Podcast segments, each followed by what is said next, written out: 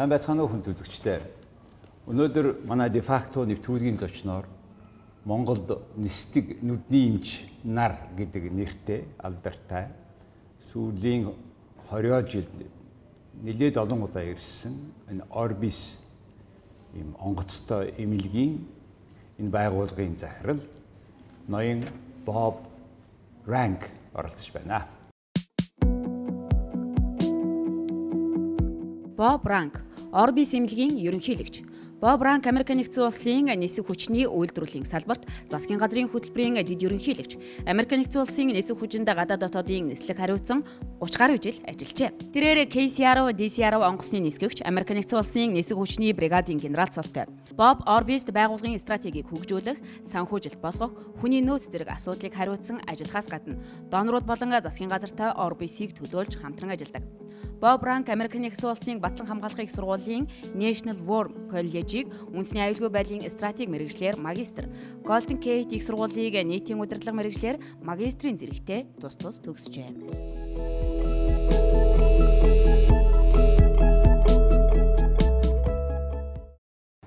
Good evening, sir. Good evening.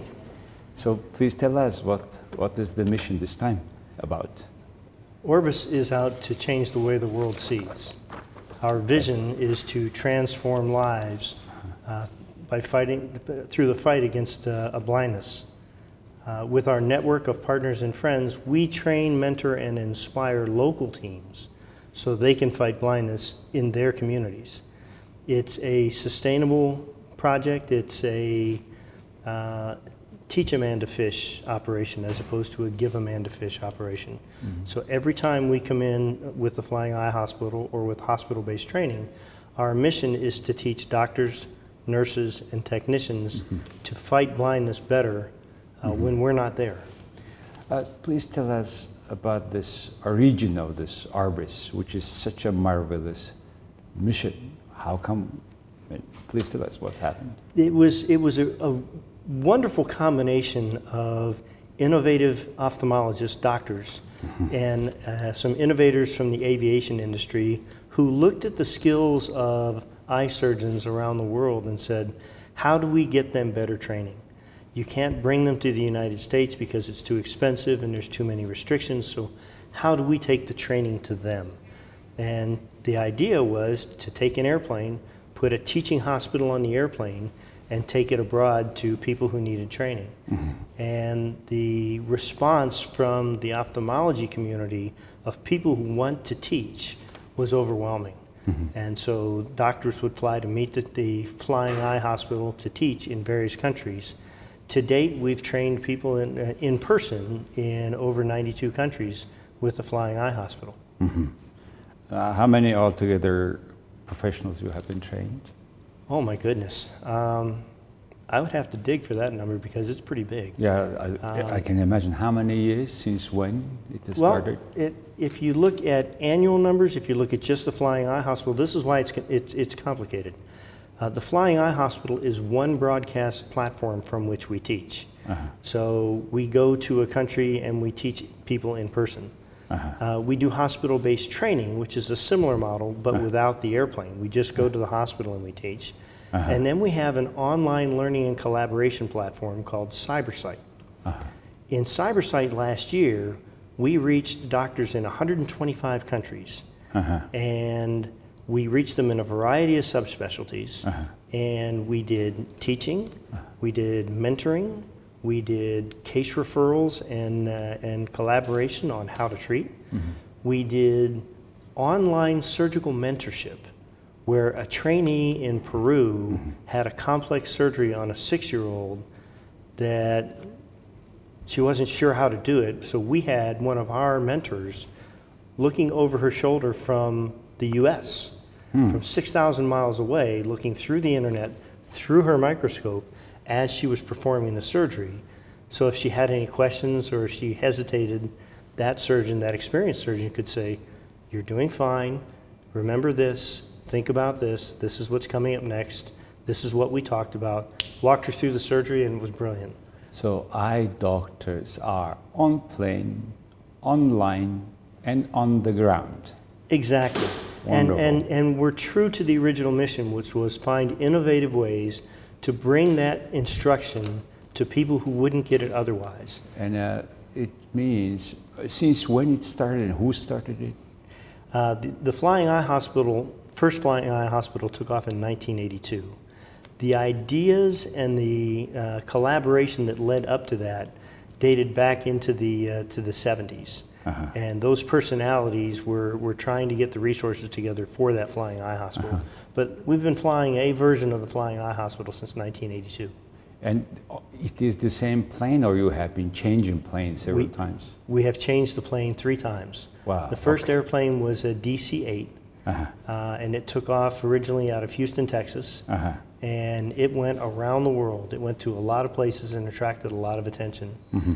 It lasted until the early 90s when we replaced it with the DC 10, Uh-huh. which was a fundamental change in the design of the hospital because the fuselage, the tube was so much bigger. Uh-huh. Uh, and that airplane flew until June of 2016 when we replaced it with the one that's here at uh, Ulaanbaatar. In uh, it's an MD-10, and we've taken the level of sophistication up again. The hospital, as it's built into the airplane, is the analogy I use is it's like Legos. Mm-hmm. They're all hooked together uh-huh. as little modules, and they uh-huh. all slide in and connect to the airplane. Mm-hmm. But they're, they're, the engineering is independent of the airplane. So uh-huh. it has its own power, it has its own water, it has its own, uh, own uh, airflow system, which is a hospital quality airflow system, uh, its own sterilization and medical gas. Hmm. So if the time were to come where we'd have to replace the airplane, we could take the hospital out, put a new airplane in place, put the hospital in. So it's almost a brand new one. Right. The hospital itself is brand new. It was, it was designed just for this airplane. Wow. That means it is completely equipped with everything updated. Absolutely. Technology. Absolutely. Fantastic. The productivity is much better. Yes, Alcon provided us with state-of-the-art retina and cataract machines. Wow. We have state-of-the-art uh, anesthesiology. Yes.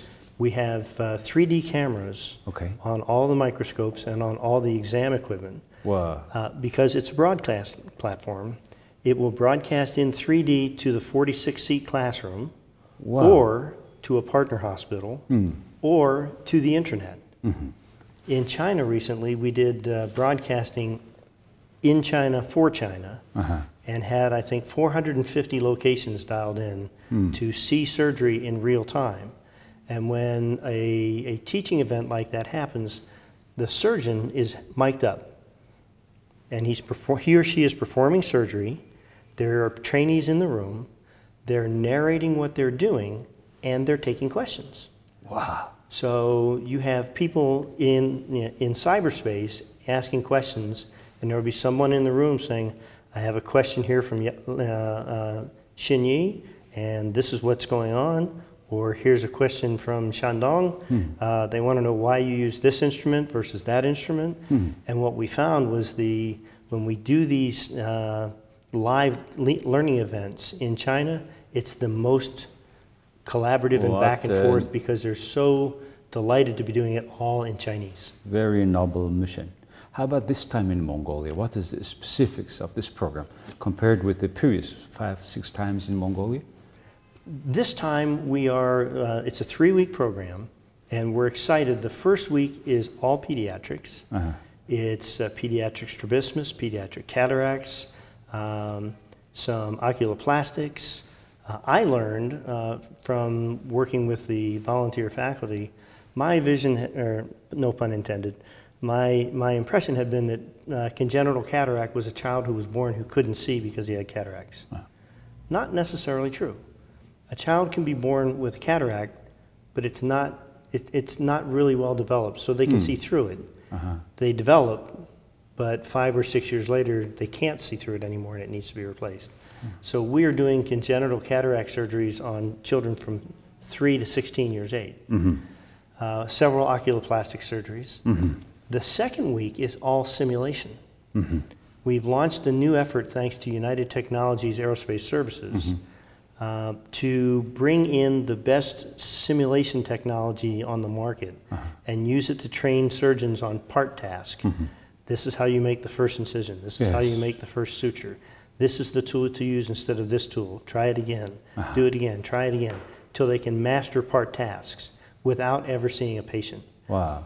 On the, on the airplane, we have a cataract surgical simulator, we mm-hmm. have a retina surgical simulator, mm-hmm. we have a, a pediatric uh, anesthesia simulator, mm-hmm. and, uh, and we can put up, up to five training stations in place and train three or four residents at a time who can look at each other and how their work is doing, trade feedback, go back and forth. You try it, I'll try it, you try it, I'll try Yeah. it. And have a mentor over looking over their shoulder saying, Wow. have you thought about this? Rest your hand this way. A lot of wonderful learning happens that And way. third week? Third week will be adult. Uh-huh, Adult adult, cataract, okay. Uh-huh. adult uh, glaucoma. uh, and since cataract and glaucoma are the first and second causes of blindness amongst adults in Mongolia, we thought that was a good place to Uh-huh. Why is emphasis. that? Would be interesting. Um, we find that cataract tends to be a high prevalence item in populations that spend a lot of time outside.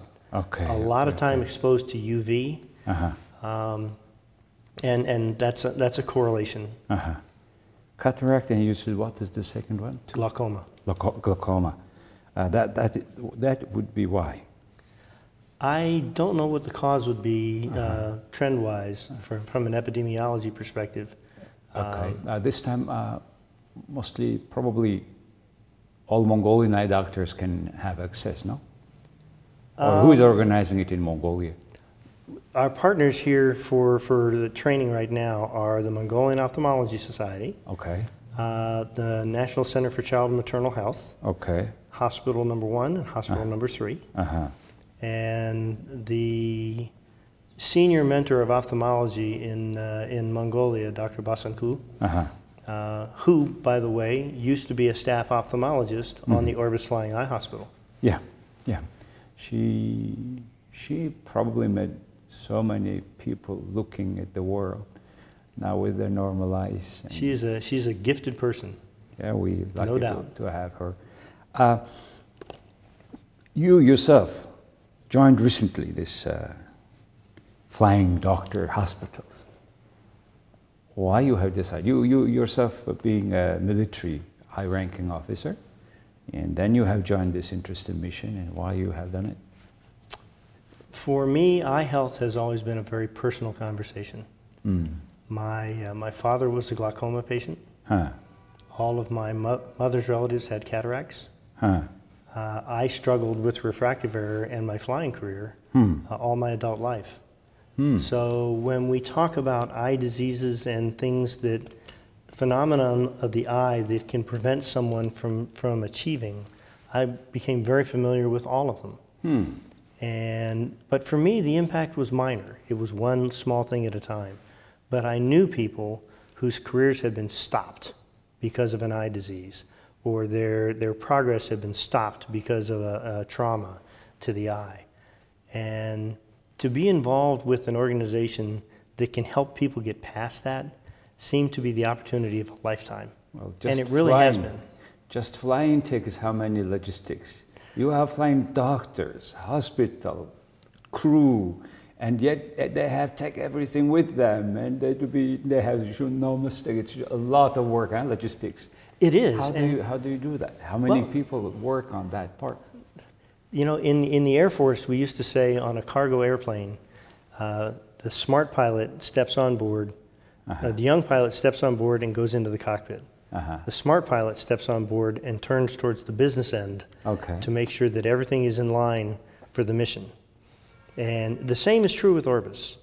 Uh, the, the pilots can take care of the front end of the airplane, but it takes a staff of almost 30 to take care of the, the clinical needs, the logistics, the stocking of the airplane to make sure the right uh, consumables and medications for each program are on board. Uh, we have a small United Nations in that airplane. Uh, I think we represent 24 countries in that staff. And, uh, and they all are team players. They want to see what else they can do to help someone that they work with. How they are paid? Uh, they're paid as staff, uh, full-time staff with Orbis. Uh-huh. And then the doctors, the volunteer doctors and nurses uh, from around the world fly in and fly out each week with the program. All of the pilots are volunteers from FedEx They Wow. take their vacation time to come to the airplane, pre-flight it, fly it to the next program, make sure it's all buttoned up and safe, and then fly home. Huh. And uh, our doctors, we have over 400 doctors from 26 countries, Okay. um, and they they are absolutely phenomenal. and all that Teachers, they do voluntarily this job. all of it, Okay. yes. Oh my goodness. Uh, how about nurses? Nurses also, Voluntarily. volunteers. What a mission, huh? Um, how then do you cover the cost? Individual donations. Individual. And We people have- donate. People donate. Uh, we at our website www.orbis.org. Uh-huh. Uh, we have it in m- multiple languages, Uh-huh. depending on where you are in the Yeah, world when you bring it up. in many languages.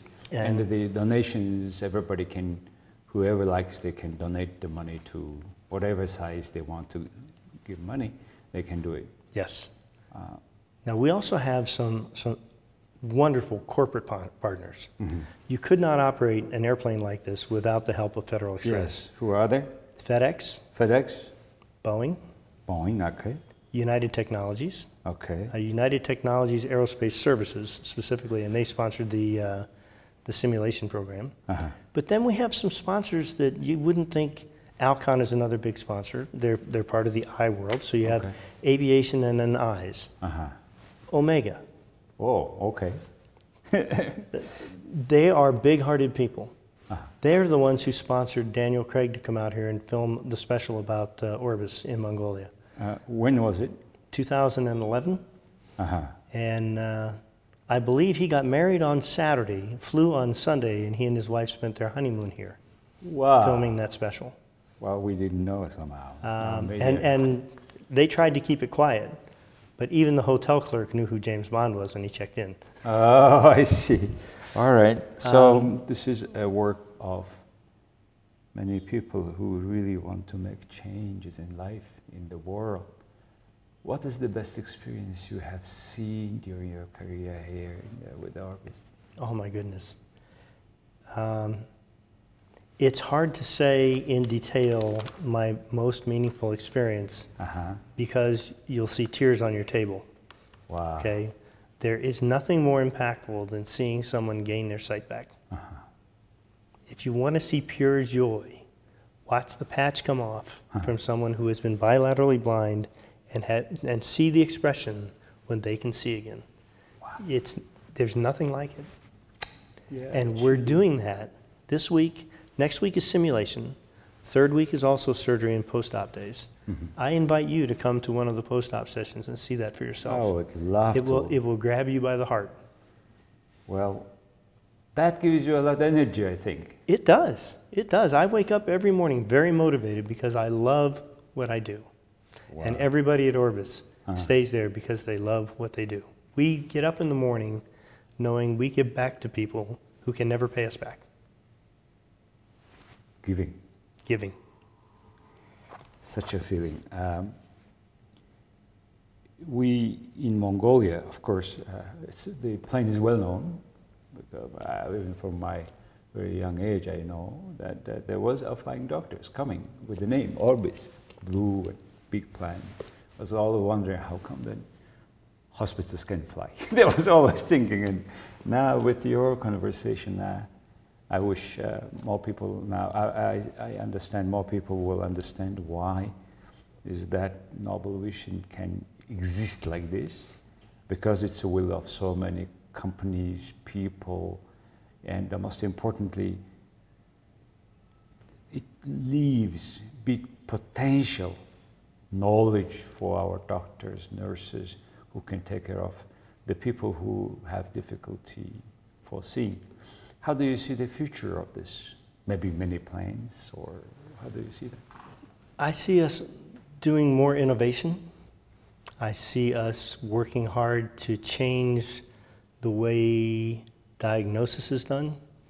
There is, um, I had a great conversation last night with uh, one of our partners, Dr. He Wei from China.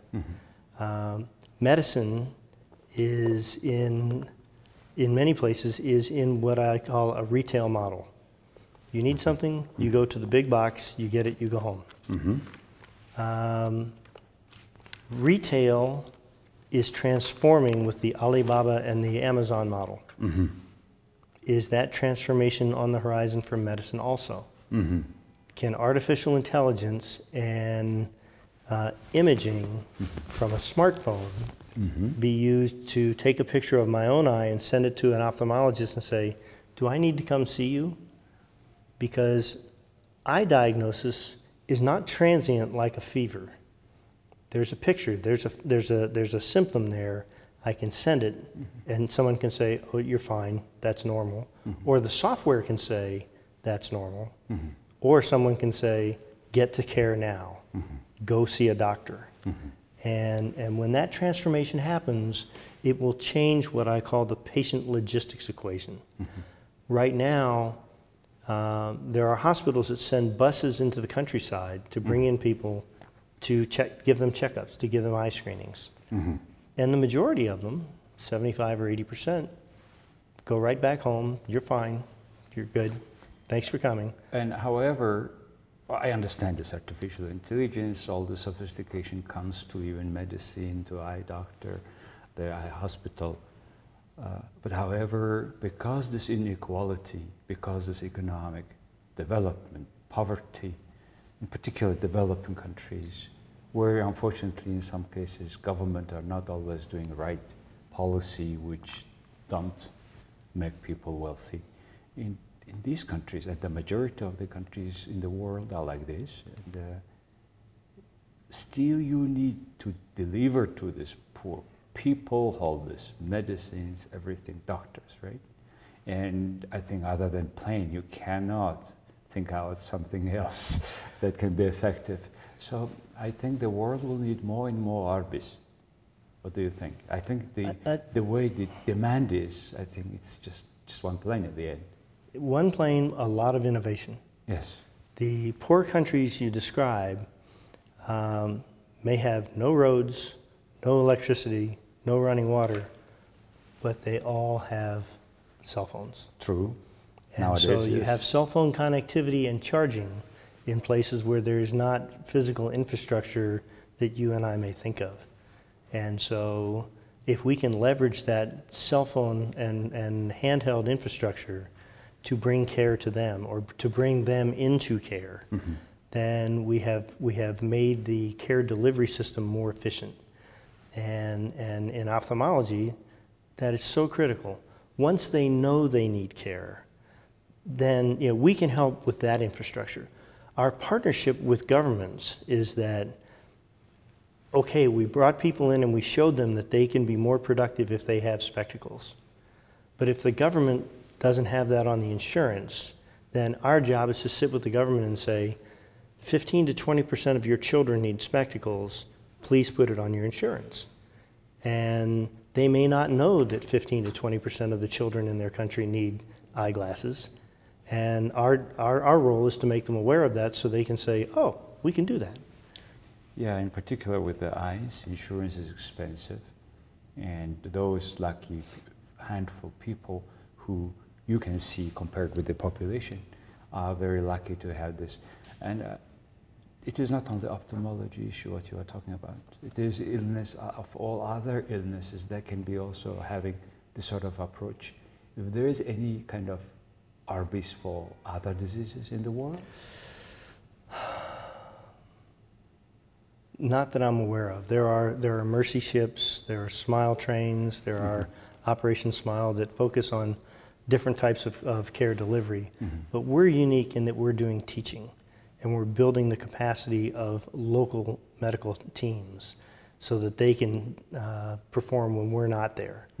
When Orbis leaves, the child at the front of the line knows that we've, we've left behind doctors and nurses who can take care of her. And, and I think that's very, very important that, uh, that, that we're continuing to improve the care. We have a doctor with us this week who was, uh, who's this, I think, his third time to Mongolia. wow. And, uh, and after screening day, Uh-huh. uh, he felt compelled to stand up with the rest of the faculty and say he was delighted to see the magnitude of the change in the sophistication of the doctors and the nurses and how they have continued to learn since the first time he was here. And that the model truly works, and he was excited to be part of that long term continuing progression of learning. Very interesting. Which nationality? It was uh, Dr. Song, Uh-huh. and he's from the United States. I think he's Chinese heritage. Um, And, and three times in Mongolia, and you have seen the changes with Yes. professionals, with equipment, everything, right? yes, Wow. the Minister of Health was out of the airplane yesterday, and, and we had a wonderful long discussion about the partnership. Uh, Orbis will train, we will upskill, we'll make, we'll lift all of the all the the, the nurses, the technicians, uh, the surgeons, the anesthesiologists, and help make everybody better. And then along the way, as we do that, there will be equipment. There will be incubators, oxygen blenders, microscopes, x ray machines. That as you build the budget for the hospital, that has to be maintained. And plus, they see the brand new one, the latest technology. And Right. We, we can introduce that technology, Which you but we can't, doing. but we can't maintain it. Yes, sure. The budgets and the hospital, the hospital budget, the government budget needs So to be our partner. Setting, setting new standard for Right. planning and for using and for training as well. Very interesting. Uh, I mean, a country. Wh- What is your priority putting a country to go? How you do it? How for, you to Mongolia maybe? Probably you will not come next year. Every four year about one country. How how you do make the list? Well, we, we, first we go where we're, where we're asked. We, we will always go where we're invited. Uh-huh. Um, and, and second, it has to be a place that has the need. Um, and it has to be a place where our teaching can be sustainable. And so we are in, we've been in some countries for a long time mm-hmm. because the need is so great and we keep expanding into more and more rural areas. Mm-hmm. Uh, in September, in October, mm-hmm. we celebrate our 20th year in Ethiopia. Wow. We have built over 250 primary eye clinics and turned them over to the government to be run. But we've trained and staffed and continue to upskill all of the staff who do that primary care for the, the villages. And as development expands into southern E- Ethiopia, we're, develop, we're expanding with it. Uh, and we're fighting trachoma, blinding trachoma. Uh, with repeat infection, yeah, it's a 100% chance of going blind. Uh, and they have, uh, they have prevalence rates of 35%, where 35% of any given village was going to go blind. Wow. We have, uh, we have been working there long enough that 26 districts now Wow. are trachoma free. Compared with this problem, Mongolia is uh, much better. Still, uh, yeah, the country is rapidly changing, of course. Our infrastructure is making better, but still a lot to improve, still to outreach everybody in this remote, very far distances in Mongolia. Wonderful talk. Thank, you, you very so much for having me. Thank you for letting us have a voice to the people of Mongolia. And uh, with 40% of the population being children and our program being focused on children, it's a great cause for optimism. Thank you so Thank you. much to you and to your team. Thank you. Thank you. За хүн төзөгчтэй өнөөдөр манай Дефакто нэвтрүүлгийн зочноор нисдэг нүдний эмнэлгийн дарга ноён Боб Ранк гэж хүн оролцлоо. Их баярлалаа.